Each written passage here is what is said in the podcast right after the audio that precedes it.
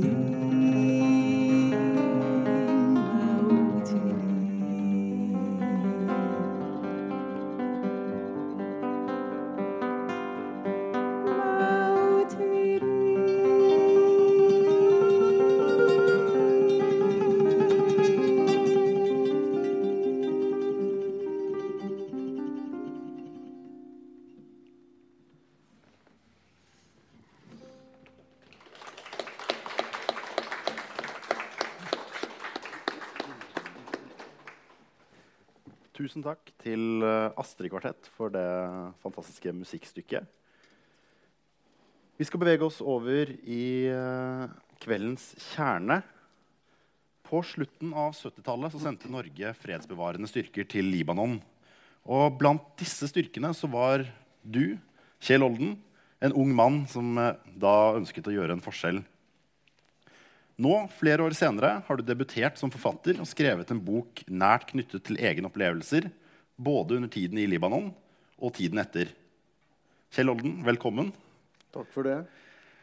Vi skal prate om uh, boken du har skrevet, 'Minerydding'. Og jeg tenkte for å starte oss uh, i gang med den samtalen, så skulle jeg la deg lese et uh, utsnitt av boken.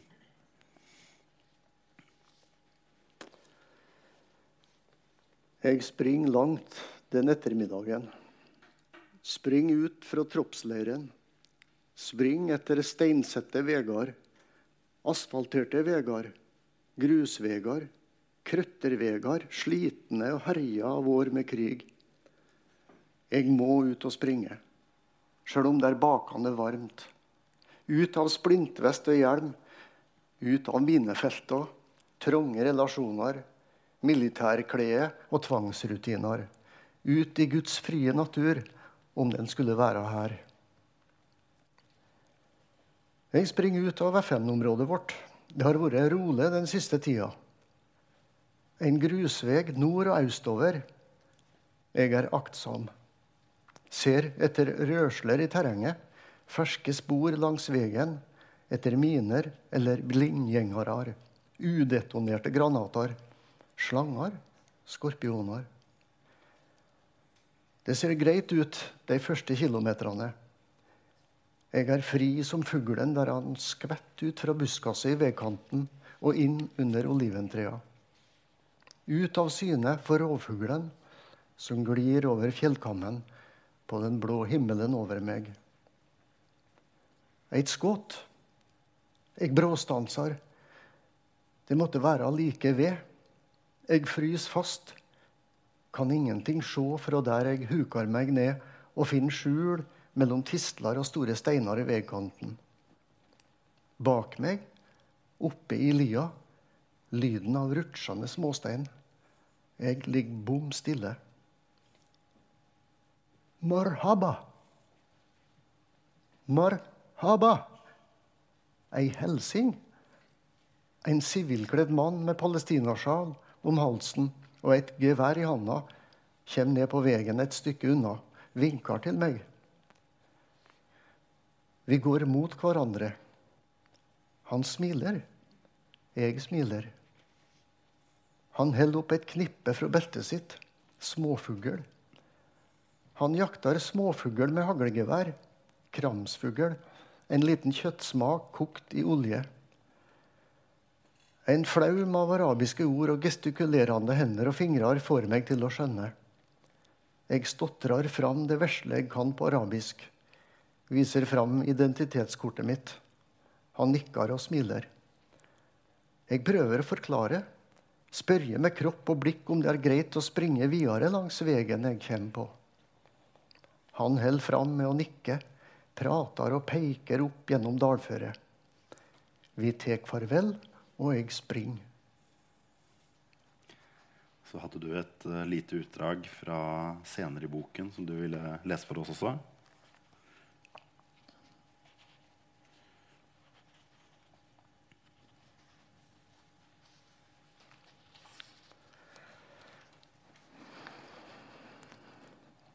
Jeg dansa.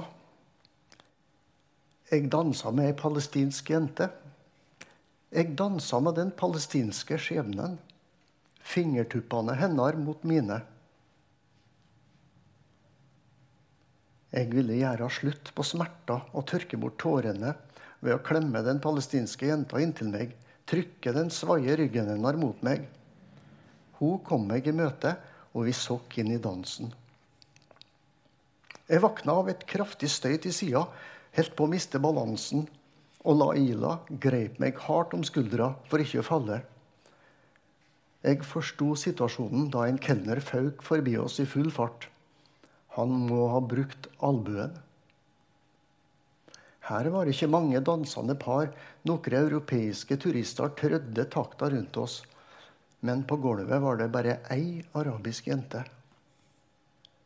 Et band av arabiske gutter spilte rolig dansemusikk.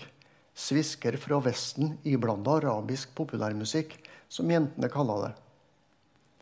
Lailas framtoning og rørsler ble lagde merke til. Jeg holdt henne litt fra meg og møtte øynene hennes. What's going on? I am a Palestinian girl. Hun kviskra og så opp på meg. På samme vis som på stranda tidligere i dag. En trass. Hun grep meg om skuldra og helt fram å danse. Klemte seg mot meg. Men jeg var vippa ut av balanse. Jeg så at de arabiske gjestene rundt oss glodde. Jeg skjønte brått at jeg og Johnsen ikke skulle være sammen med Rifka Alaila. Det passa seg ikke at vesteuropeiske menn åt og drakk og dansa med arabiske jenter. De var flyktninger, men de hadde gjennom palestinske hjelpeorganisasjoner fått sykepleierutdanning. Laila i London og Rifka i Moskva. De hadde fått nye impulser. Nå utfordra de kulturen og bakgrunnen sin. Ja, Kjell Olden, du beskriver her eh, flere forskjellige personer som eh, hovedpersonen møter i, eh, i Libanon. Og da du var i Libanon, så møtte du jo også en del forskjellige mennesker. Hvordan oppfattet du og hvordan opplevde du folk i Libanon?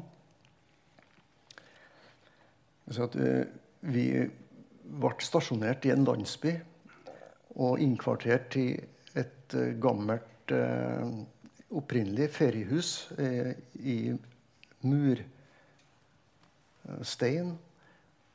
Og folket i landsbyen var veldig takknemlige for at vi var der. Så det var en følelse av å, å blitt ønska velkommen.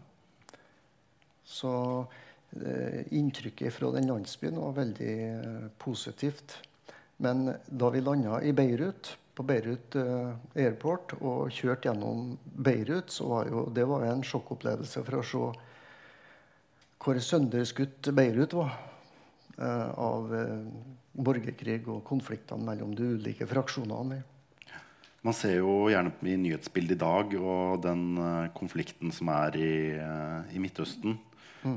Afghanistan, Irak, Syria. Så er det jo Vestlige styrker bor jo ofte i sånne store, massive sandsekkfort. Og det var ikke noe, noe sånn dere opplevde. Dere var mye mer tett på befolkningen og bodde egentlig i vanlige hus. Mm -hmm. Til å begynne med så hadde vi jo selvsagt eh, noen primitive shelter i kjellere og utgravde hullrom. Eh, men eh, ganske snart så ble det bygd troppsleirer i Hermonfjellet. Men vaktstyrkene hadde sine shelter og si, sitt opphold rundt omkring i eh, FN-området, da, kan du si. Så det var veldig forskjellige måter å eksistere på og bo på, kan du, kan du si, i det området. Hmm. Nå er jo Beirut og Libanon igjen i nyhetsbildet uh, med denne massive eksplosjonen som nettopp rammet hovedstaden, mm. og opptøyene som har ligget og ulmet nærmest under overflaten, som har blusset opp igjen. Mm. Har du fortsatt noe forhold til uh, Libanon eller uh, området rundt? Har du noen relasjoner eller noe tilknytning til området? Jeg har ikke vært besøkt området etter at jeg hadde et eh, opphold der som FN-soldat. Men jeg følger jo godt, prøver å følge godt med. Og jeg har jo sterk sympati for eh, den palestinske skjebnen. Eh, og jeg blir veldig lett engasjert når det er noe som skjer i området. Eh, men jeg vet at det har vært satt opp eh, reiser til, for veteraner da, til de områdene uh, når det har vært fredelige perioder.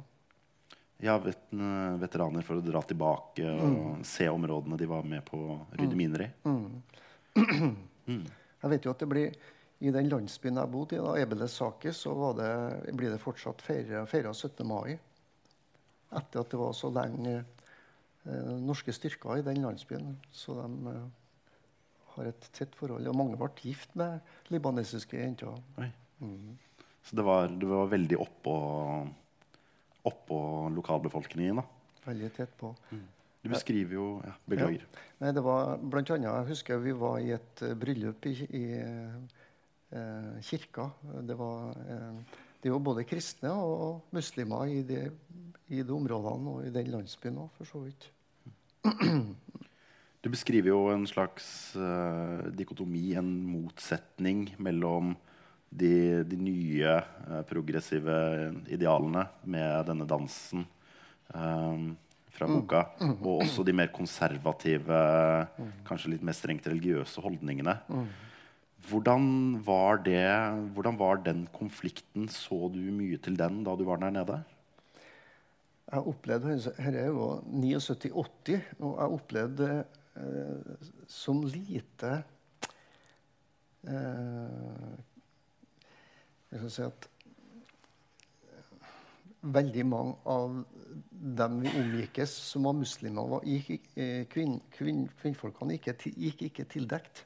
Men var, vi så jo at det var deler av eh, samfunnet som var mer eller mindre ortodoks og strengt religiøst. Men eh, jeg har en følelse av at det har eh, skjerpa seg, slik at det er blitt mer enda mer dogmatisk. Og at de mest ekstreme eh, innenfor den muslimske verden har fått et større grep om samfunnet, på en måte. Og når jeg reiste rundt i Midtøsten, så var det jo en, en, en, en slags eh, respekt for, for FN-soldatene og det FN sto for. De hadde status. Og så den ekstreme volden og terroren som har utvikla seg kanskje de siste 10-15 årene, har blitt eh, eh, så, eh, var På en annen måte den gangen var jo selvsagt krig og beskytning og, og, og voldsomt krevende for lokalbefolkninga sånn sett, men kanskje ikke så mye ekstremisme som det er i dag. nei. Du snakket om eh, året 1979. Hvor, eh, hvor lenge var du i Libanon, og hva gjorde du der? Det var en, eh, en høst og en vår, da. Eh, Grunnutdanninga i, min i Forsvaret var pioner. Det var minerydder. Uh, så når jeg verva meg som FN-soldat, så var det selvsagt at jeg skulle bli minerydder. Jeg hadde ikke noe motforestillinger. Jeg hadde ikke noe sperrer i forhold til sånt. Det var helt greit. Fikk du noe opplæring utenom verneplikten før du dro ned? Vi hadde en kort eh, opplæringsrunde på eh, en måned eller to, tenker jeg, før vi reiste. Og det gikk både på å lære litt om kultur og, og litt eh, oppvarming i forhold til minnerydding. Så man vet hva man driver med før man eh, setter ut i felten. Ja. Kan ikke du beskrive den prosessen? Hvordan foregår minerydding? Eh, vi hadde jo mye opplæring med bruk av uh, minedetektorer. eh, som eh, gir utslag når det er metall i jorda. Men eh, overalt. Overalt, altså.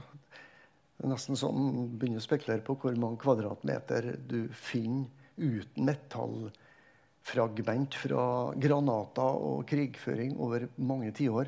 Så vi, det, det, var ingen nytte i det, så vi måtte begynne med den, den eh, mineprodden, som vi kalte det. Og stikke forsiktig da i, i grunn. Og så var det strenge sikkerhetsrutiner, så vi hadde en viss avstand. Det var ikke koronaavstand, det var lengre avstand, slik at vi, hvis vi var uheldige, ikke uh, forulykka flere. Mm. Og så merka vi områdene vi rydda. Det var ofte uh, minerydding i forbindelse med minelagte ferdselsveier. Men det kan jo være ulykker som skjedde med sivilbefolkninga, der vi måtte ut og rydde for uh, saniteten, slik at de kom fram til uh, de forulykka. Mm. Hvor mange meter kan en uh, minerydder med prodd rydde i timen? Vi var der de hadde gått eh, en personellmine ved en ulykke, som var forferdelig forsiktig. Sjølsagt. Mm. Det er vanskelig å si. Men uh, det kommer an på hvordan grunnen var. Hvor mye stein og hvor mye løs jord det var. Men øh, hvis det, vi rydda øh, gamle ferdselsveier, det kunne være en blanding av personalminer, men mest stridsvognsminer og kjøretøyminer. Og da vi, var vi mer nonchalant over tid, da, sånn at vi hadde større fart. Mm. Så det skriver også i boka om eh, et ganske løssluppent forhold til alkohol blant de norske soldatene. Mm. Hvordan var din opplevelse av det der nede? Eh, det var ikke noe som het for eh, debrifing etter at vi var ute i skarpe, såkalte skarpe situasjoner. Så da var det eneste vi, vi kobla av med, det var altså å drikke alkohol. ja. Vi, når vi etablerte eh, troppsleiren oppi Hermonfjellet, så var det første vi gjorde, det var å grave ut et shelter der vi kunne søke tilflukt ved eh, beskytning. Og det andre vi bygde, det var en troppsbar. Sånn at vi, og den ble gjort veldig for seg. Brukt mye tid på å utforme bardisken og med bambus som vi fletta. Så det var sterk kjærlighet til det området der. Så det var eh, aksept for at eh, alkohol var en form for universalterapi. altså. Så det var ingen kultur for å på en måte prate ut om stress og traumatiske situasjoner Nei. i hver mann for seg selv, mm. i stillhet? For du, du, dro jo ned som, uh, som ung idealist og etter hvert som du var der, følte du at du gjorde en forskjell? Følte du at det at du dro ned, faktisk hadde en betydning? Ja, den takknemligheten og den følelsen av at vi hadde Vi, vi, vi kunne være til hjelp for um, lokalbefolkninga.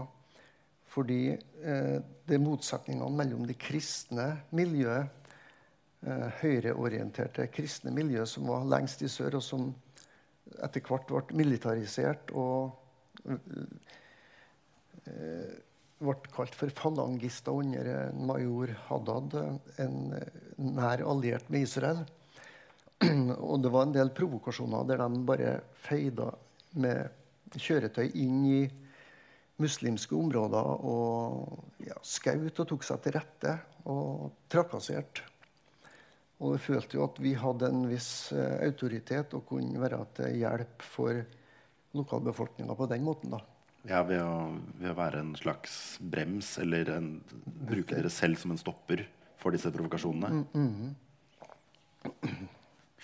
For uh, følte du at måte, idealismen du hadde som ung før du dro, var berettiget? At det var noe som måte, du hadde romantisert for deg selv? Eller at det at du dro ned, det svarte egentlig til forventningene av hva du hadde håpet å få til? jeg hadde lest meg opp på Midtøsten-konflikten. Og så jeg, eh, jeg, var veldig opptatt av å kunne bidra og hjelpe. Så jeg, så det, jeg prøvde å se det litt i en sånn politisk sammenheng. Men det er klart jeg hadde ikke noen forestilling om på, på hvilken måte jeg kunne gjøre til hjelp. Uh, så jeg kan si at mye av det tragiske altså, når jeg kom tilbake, var ferdig, så hadde jeg en følelse av at jeg har vært til hjelp. Eh, og jeg hadde ikke noe sånn eh, Den første tida etter at jeg kom tilbake, så var jeg sånn følelse av at jeg har gjort en Jeg har bidratt, liksom. Uh, uten at jeg hadde noen sånn heroiske opplevelser at jeg har gjort forandra verden. Men uh, at det har vært et lite bidrag. Mm. Mm. En, en, liten, god ting i den mm. store mm. sammenhengen. Ting, ja. Så hvis du, hvis du kunne gått tilbake i tid, da. Mm. Uh, og la oss si du hopper i en tidsmaskin og du drar tilbake til deg selv, mm. som står der og vurderer å verve deg for å dra til Libanon. Hva tror du du hadde sagt til deg selv eller til annen idealistisk ungdom som tenker å på en måte risikere livet for å gjøre en liten, god del i den store sammenhengen? Det er vanskelig eh, fordi eh, når du er ung og idealistisk og kanskje eventyrlysten, så har du en guts og en, eh, du har et slags, et slags pågangsmot som eh, du, Vi har ikke så godt utvikla konsekvensperspektiv. Så det er vanskelig å forutse. Og den gangen så var det ikke noe snakk om at du, kom, du kunne komme til å få problemer etterpå. Det tenker en ikke på når en reiser ut. Men jeg, jeg ville vel ha sagt at eh, du må tenke grundig gjennom det, eh, fordi det er såpass mange som har fått problemer. Selv om det er veldig bra apparat i dag, både i forhold til forberedelser og eh, debrifing og oppfølging, så vet du aldri. Mm. Hvor gammel var du da du dro ned? Jeg var vel i 20-årene. Godt opp i 20-årene. Mm. Jeg tenkte jeg skulle la deg eh, lese et uh, utdrag til hvor du snakker om uh, hovedpersonen og hans opplevelse med en hytte som han bygger, som er en viktig del av uh, romanen. Tenker på den uh, hyttebygginga? Ja, også den 18, side 18 og 19. Mm, ja.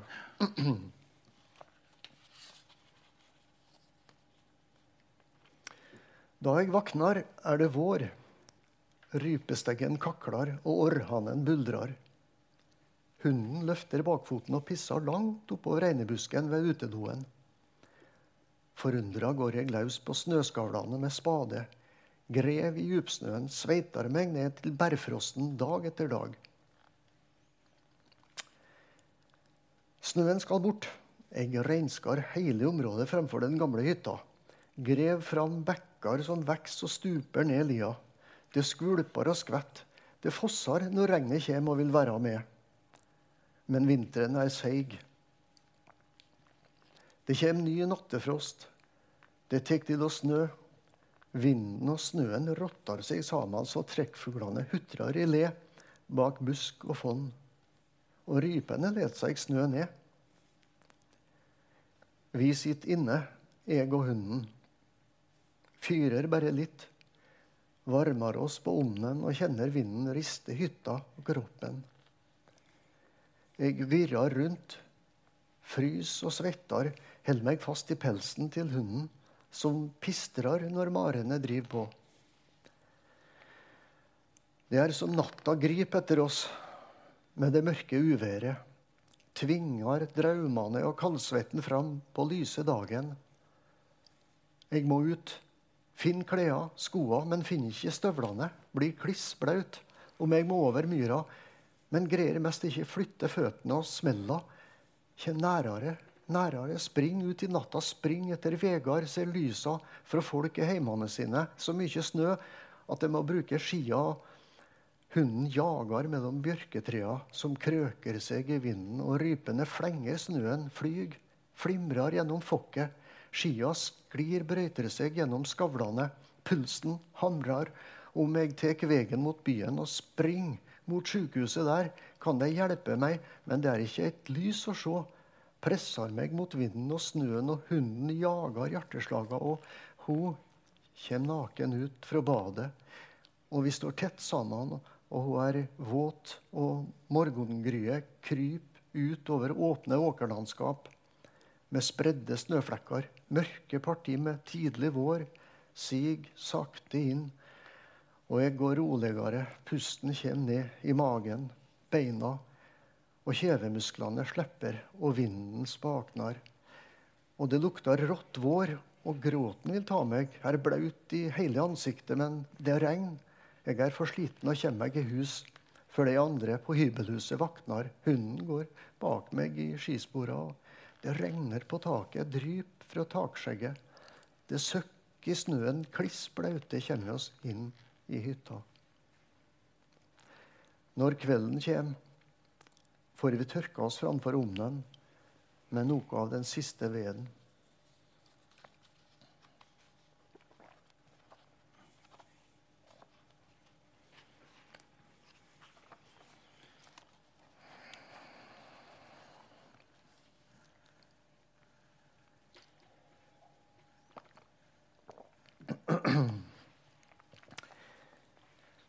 Bake det nye sammen med det gamle. Jeg trodde jeg visste hvordan en på enkleste måte kunne la det nye bygget føye seg rett fra sida inn i veggen på det gamle bygget. Så jeg slapp den krevjende sammenføyinga av tak og takvinkler. De er vanskelige, disse taka. Så fundamentale. Sårbare som vi er under dem. Noe må rives først. Han bruker motorsaga på det gamle reisverket som skal vekk snekkeren. Som når han feller skog og kvister greiner. Vi holder på med hvert vårt. Det må til om det gamle skal tåle det nye. Han roper gjennom maskinlarmen og sagflisfokket, eksosrøyken. Med makt og presisjon sager han bort det gamle inngangspartiet. Møne, takåser og ytterpanel spinkelt og ubrukelig reisverk. Hunden pip og pistrer med halen mellom beina, vil ha trøyst av meg i alt bråket. Jeg brenner bål av det gamle ravet i min egen skog. Her forteller du om en uh, hovedperson som åpenbart har, uh, har problemer og senskader fra, fra, det han har opplevd i Libanon. Hvor nært dine egne opplevelser ligger, ligger denne boka? Ja, mye sjølbiografi, det er det jo sjølsagt. Uh, uh, samtidig som jeg har uh, fått en distanse til stoffet som gjør at karakterene er skapt av meg. da. Mm en slags sånn uh, Hva skal vi si Mer uh, bygd opp av karakteristikker av folk du har møtt, og ting du har tenkt, og, men ikke, ikke, deg som person, da. Nei, jeg prøver å få litt avstand til meg sjøl. Mm. Den personen i uh, navnløse personen i boka kommer etter hvert i terapi. er det noe du har erfaring med selv? Ja, etter mange år. Eh, men eh, det er eh, Du kan si at i, i mange år så Jeg trodde bare at jeg holdt på å bli gal. De første årene knytta jeg det ikke i hele tatt til oppholdet i Midtøsten. Så det gikk mange år før det gikk opp for meg at det var en sammenheng. Mm. Det var ingen måte, kollektiv bevissthet om dette med posttraumatisk stress uh, i samfunnet, eller var det noe du ikke ville innse selv? Jeg opplevde ikke på 80-tallet, altså. Uh, før uh, altså, Det kan vel være at kanskje etter en ti år. Jeg, så, jeg hadde undervisning på skolen om FN. Hver høst så tok jeg fram Jeg hadde tatt vare på gamle mine- og granatfragment. for du er jo du er lærer, så du tok med gamle, forhåpentligvis ufarlige minefragment inn i ja. klasserommet. Og så hadde jeg mange lysbilder, eh, så jeg visste bilder fra eh, fra eh, både FN-tjeneste og snakka om FN som organisasjon. Og da, i etterkant, altså, og ofte når jeg forberedte meg, så kom da mareritt og eh, søvnproblemer og angstproblematikken i sterkere grad. Så jeg så etter hvert at det var en sammenheng. Den terapien, var det du som fant den, eller var det den som fant deg? Var det et system som oppsøkte deg, eller var det noe du, du måtte kjempe for å få selv? Jeg fikk problemer med å stå i jobb etter hvert. Det var såpass uh, mye tynnslette. skulle jeg si at det var. Så jeg oppsøkte jo uh, hjelp sjøl. Var det noe du uh, fikk uh, støttet gjennom uh, Veteranforbundet eller noe sånt? Noe? Uh, etter hvert så tok Veteranforbundet kontakt. så jeg hadde et godt samarbeid med Veteranforbundet etter hvert. Mm. Mm. Når var det du begynte å skjønne at disse opplevelsene at de kunne bli en bok? Det var jo terapiskriving først i samarbeid med psykologen, men så over mange år da, så, så jeg jo hadde en del små notater fra Midtøsten-oppholdet. Og så, så at jeg kunne ha stoff nok til å, å lage en roman. Eh, så leste jeg, og hadde jo lest eh, Knut Arnljot Brå som kom med en ren sjølbiografi i 2001. Eh, som beskriver ekstreme, ekstremt vanskelige forhold i, i, i, samme område som jeg var, da Israel invaderte Sør-Libanon. Han eh, skrev òg både om eh, sin egen sine egne opplevelser om psykologbehandlinga han fikk. Veldig åpent. I den boka 'Den lange veien hjem'? Den lange veien hjem, ja. Og så I tillegg så kjørte han òg en privat kamp for å få erstatning uh, for uh, senskader. I 2006 uh, så fikk han gjennomslag i, etter mange års kamp mot Forsvarsdepartementet han fikk eh, i 2006. Og han er nok en bauta, en pioner innenfor det området, både når det gjelder forståelse for det, eh, og for så vidt erstatningsproblematikken. Så denne boka startet som en, en del av terapien? Da? En slags skriveprosess for å, for å bearbeide inntrykk og tanker? Ja, det kan du si. ja. Mm. Så du har jo nå debutert som forfatter i en alder av 67 år. Har du noe erfaring med litteratur før? Du, hva er ditt forhold til, eh, til, bøker og litteratur? Jeg har bestandig vært interessert i litteratur, ja. Um, far min uh, introduserte Snorre for meg når jeg var ganske liten. Tidlig krøkes. Ja. Så jeg leste mye Snorre og, og, var fascinert av det, tegningene i Snorre Sturlason. Mm. Dramatisk litteratur. Og, ja, og så ble det ja, så jeg leste ned etter hvert. Hvis ikke du hadde skrevet denne boka og hatt denne historien, tror du du hadde endt opp med å skrive en bok uansett? Vanskelig å vite. Ja. Men det er i hvert fall det, det er slik at det er er verdifullt å mm. Det Har blitt det. Absolutt. Mm. Så den strukturen på boka her, den er jo fragmentarisk, nesten som drømmende. Mm. Det at det er uh, kapitlene om hverandre bytter tid og forskjellige inntrykk. Du har forskjell mange forskjellige stadier av livet til hovedpersonen flettet inn i hverandre. Mm. Hvorfor valgte du å gjøre på den måten? I motsetning til en mer sånn kronologisk A til B? Jeg, vil, jo gjerne at det skulle være et, eh, en slags nerve og eh, mye eh, tankesprang som òg kan være en del av det å være prega av en posttraumatisk stress. At det er noe som innhenter deg stadig vekk, selv om du kan være opptatt i hverdagen med alt fra familie til jobb, og sånn, så er det, er det, kommer det fragmenter fra tidligere som kan overmanne deg. Så jeg ville prøve å få fram de boka i forma da, på en eller annen måte.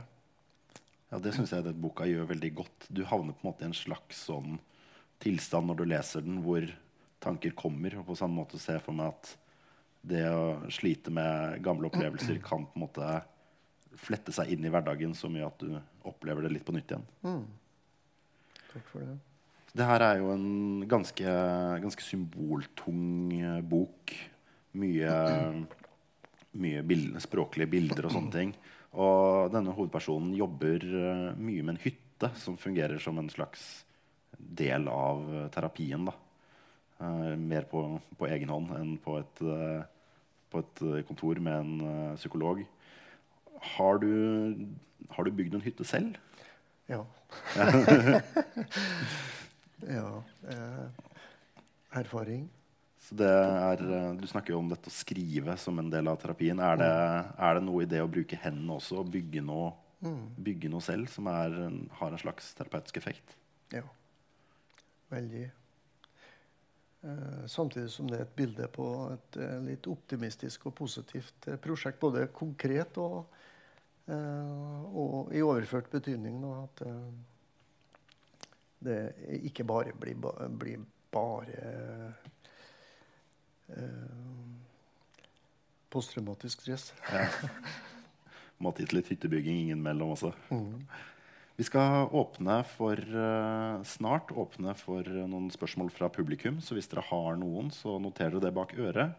Men eh, jeg tenkte å avrunde litt med spørsmål om veteraner og andre som er i en lignende situasjon. For det er jo 100 000 veteraner i Norge.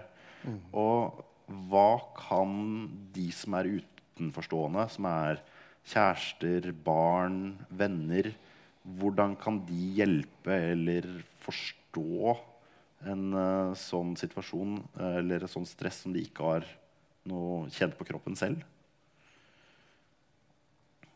Jeg tror det er vanskelig å forstå, egentlig. Eh, men sånn I min eh, behandling, da, så kan jo si at det, det, var mangelfullt. Eh, vi har snakka om det, jeg og Bente. da. Og Bente, kona mi, har tatt opp eh, behovet for at familien kanskje i større grad blir involvert i terapiproblematikken. Så det er sikkert eh, mye å hente ennå. Jeg vet jo at det er et veteransenter i dag i, i Kongsvinger der familier eh, blir gitt et tilbud. Så det er utvikling på det området òg. men eh, Å hjelpe på en måte hele familien og Ja, de nære også, da, istedenfor bare bare den personen som har vært i eh, skarpe konflikter, skulle jeg si. Mm. Da tenkte jeg vi skal vende oss mot salen. Vi har ikke noe mikrofon vi kan sende rundt pga. smittevernhensyn. Men hvis dere rekker opp hånden, eh, og ha, hvis dere har noen spørsmål, så er det ordet fritt for det nå. Ja. Ja, jeg vil bare takke for samtalen. Jeg synes det var veldig flott. Jeg har lest boka, og jeg, og jeg synes nå fikk jeg endelig litt mer sånn forståelse for det ene. Da, akkurat den der eh, historien der du holder fast i hund, eller mannen i, i boka holder fast i hund og går att og fram i tid. Mm. Jeg synes det var veldig fascinerende. Så synes jeg du har veldig mange fine hva skal jeg si, språkskildringer som er veldig sånn kontrastfylt i forhold til det du opplever. Eller til selve handlinga. Mm. Og så gir du jo sånn eh, masse gode ideer om hvordan man kan bearbeide ting eh, i forhold til det med å bygge hytte, eksempel. Ja, det er lurt å gjøre det samtidig som du tenker og så videre. Jeg synes det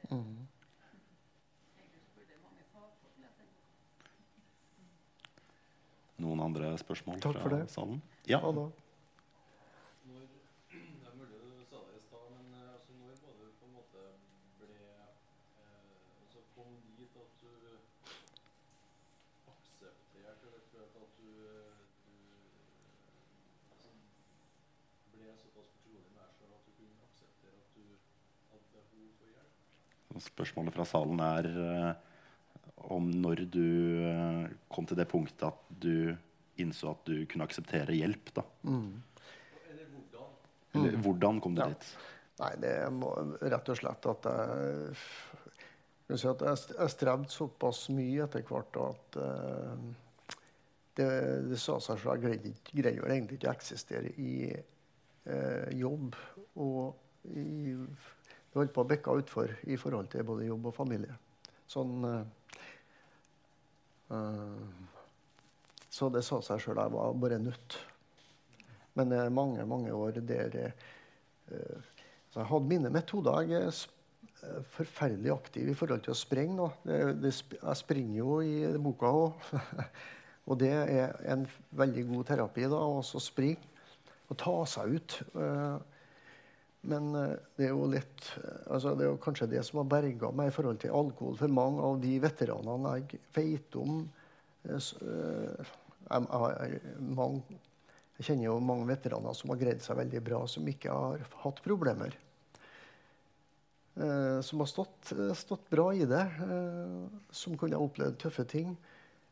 Men så er det noen som har bukka under blitt alkoholmisbrukere, pillemisbrukere, og noen har eh, tatt sitt eget liv. Så du har hele spekteret og hvem det er, og hva det er som gjør at folk eh, står i det, eller eh, greier å oppsøke hjelp. Jeg tror jeg er også litt tilfeldig. altså. Eh, Men på et eller annet tidspunkt så, så var jeg bare nødt. Selv om jeg sprang og sprang og sprang, så ble det var helt utslettet til slutt. Har vi tid til ett spørsmål til? Hvis det er noen som har et? Ja? lurer på om hvordan kunne denne boka også bli nesten sånn pensum i Forsvaret og litt sånn proaktivt i forhold til Afghanistan og i forhold til ja, det her at, at vi har fått et veldig internasjonalt forsvar. Altså det å, å komme ut i verden altså, og, og få samtaler og se hvordan sånne hendelser hva de gjør med det. At man, man på en måte bruker en sånn bok i, i forberedelse videre. fremover. Spørsmål. Spørsmålet er uh, hvordan, hvorfor du tror denne boka ble så omfavnet og akseptert av Forsvaret da, som en ressurs for uh, å vise hvordan det kan påvirke de som drar ut. Tolker det spørsmålet riktig da? Det er litt sånn fram, framover i tid. Ja. Fra nå og framover. Ikke bare sånt tilbakeblikk i forhold til veteraner, men, men det er så mange ungdommer som Mm. Og ulike. Jeg har uh, tatt kontakt med Veteranforbundet i avdelinga her i Trondheim. hatt noen samtaler med dem. Men så ble jeg òg intervjua av Forsvarets forum. Det siste intervjuet jeg har hatt. Uh, Så uh, det var det, det nummeret som kom i, i juni-juli, tror jeg.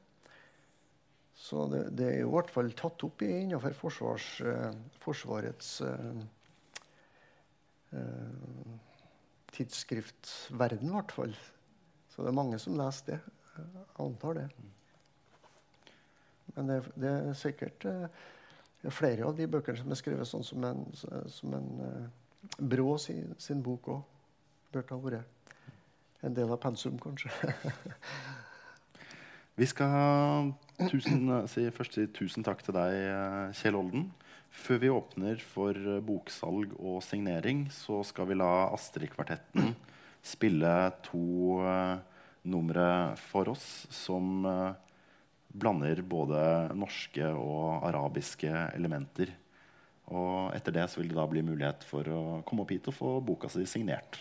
Så tusen takk for praten, Kjell Olden. Sjøl takk. Og Markus.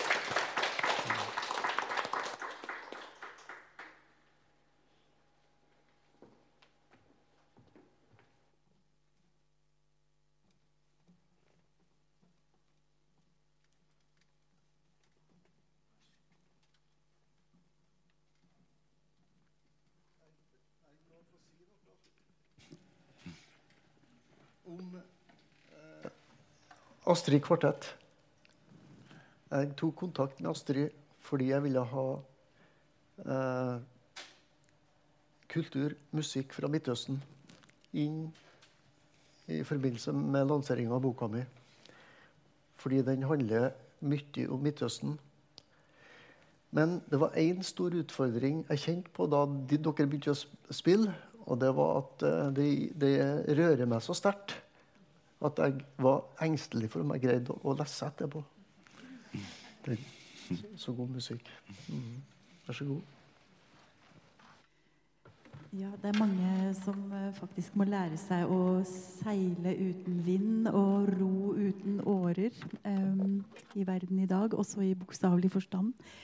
Um, dere kommer til å kjenne igjen teksten. De to siste versene er en oversettelse til arabisk.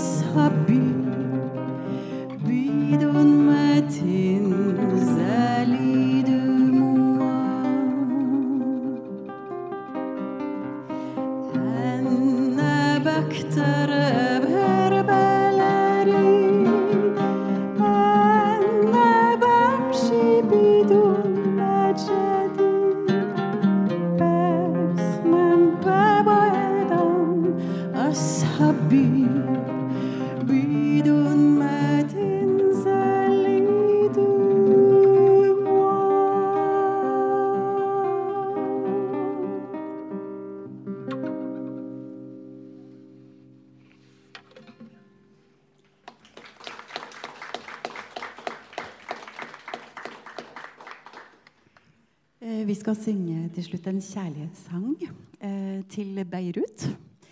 Den handler om Den er fra en tid det, som beskriver hvordan eh, duften av jasmin og det smaken av eh, det søte brødet blir gjort om til aske og røyk.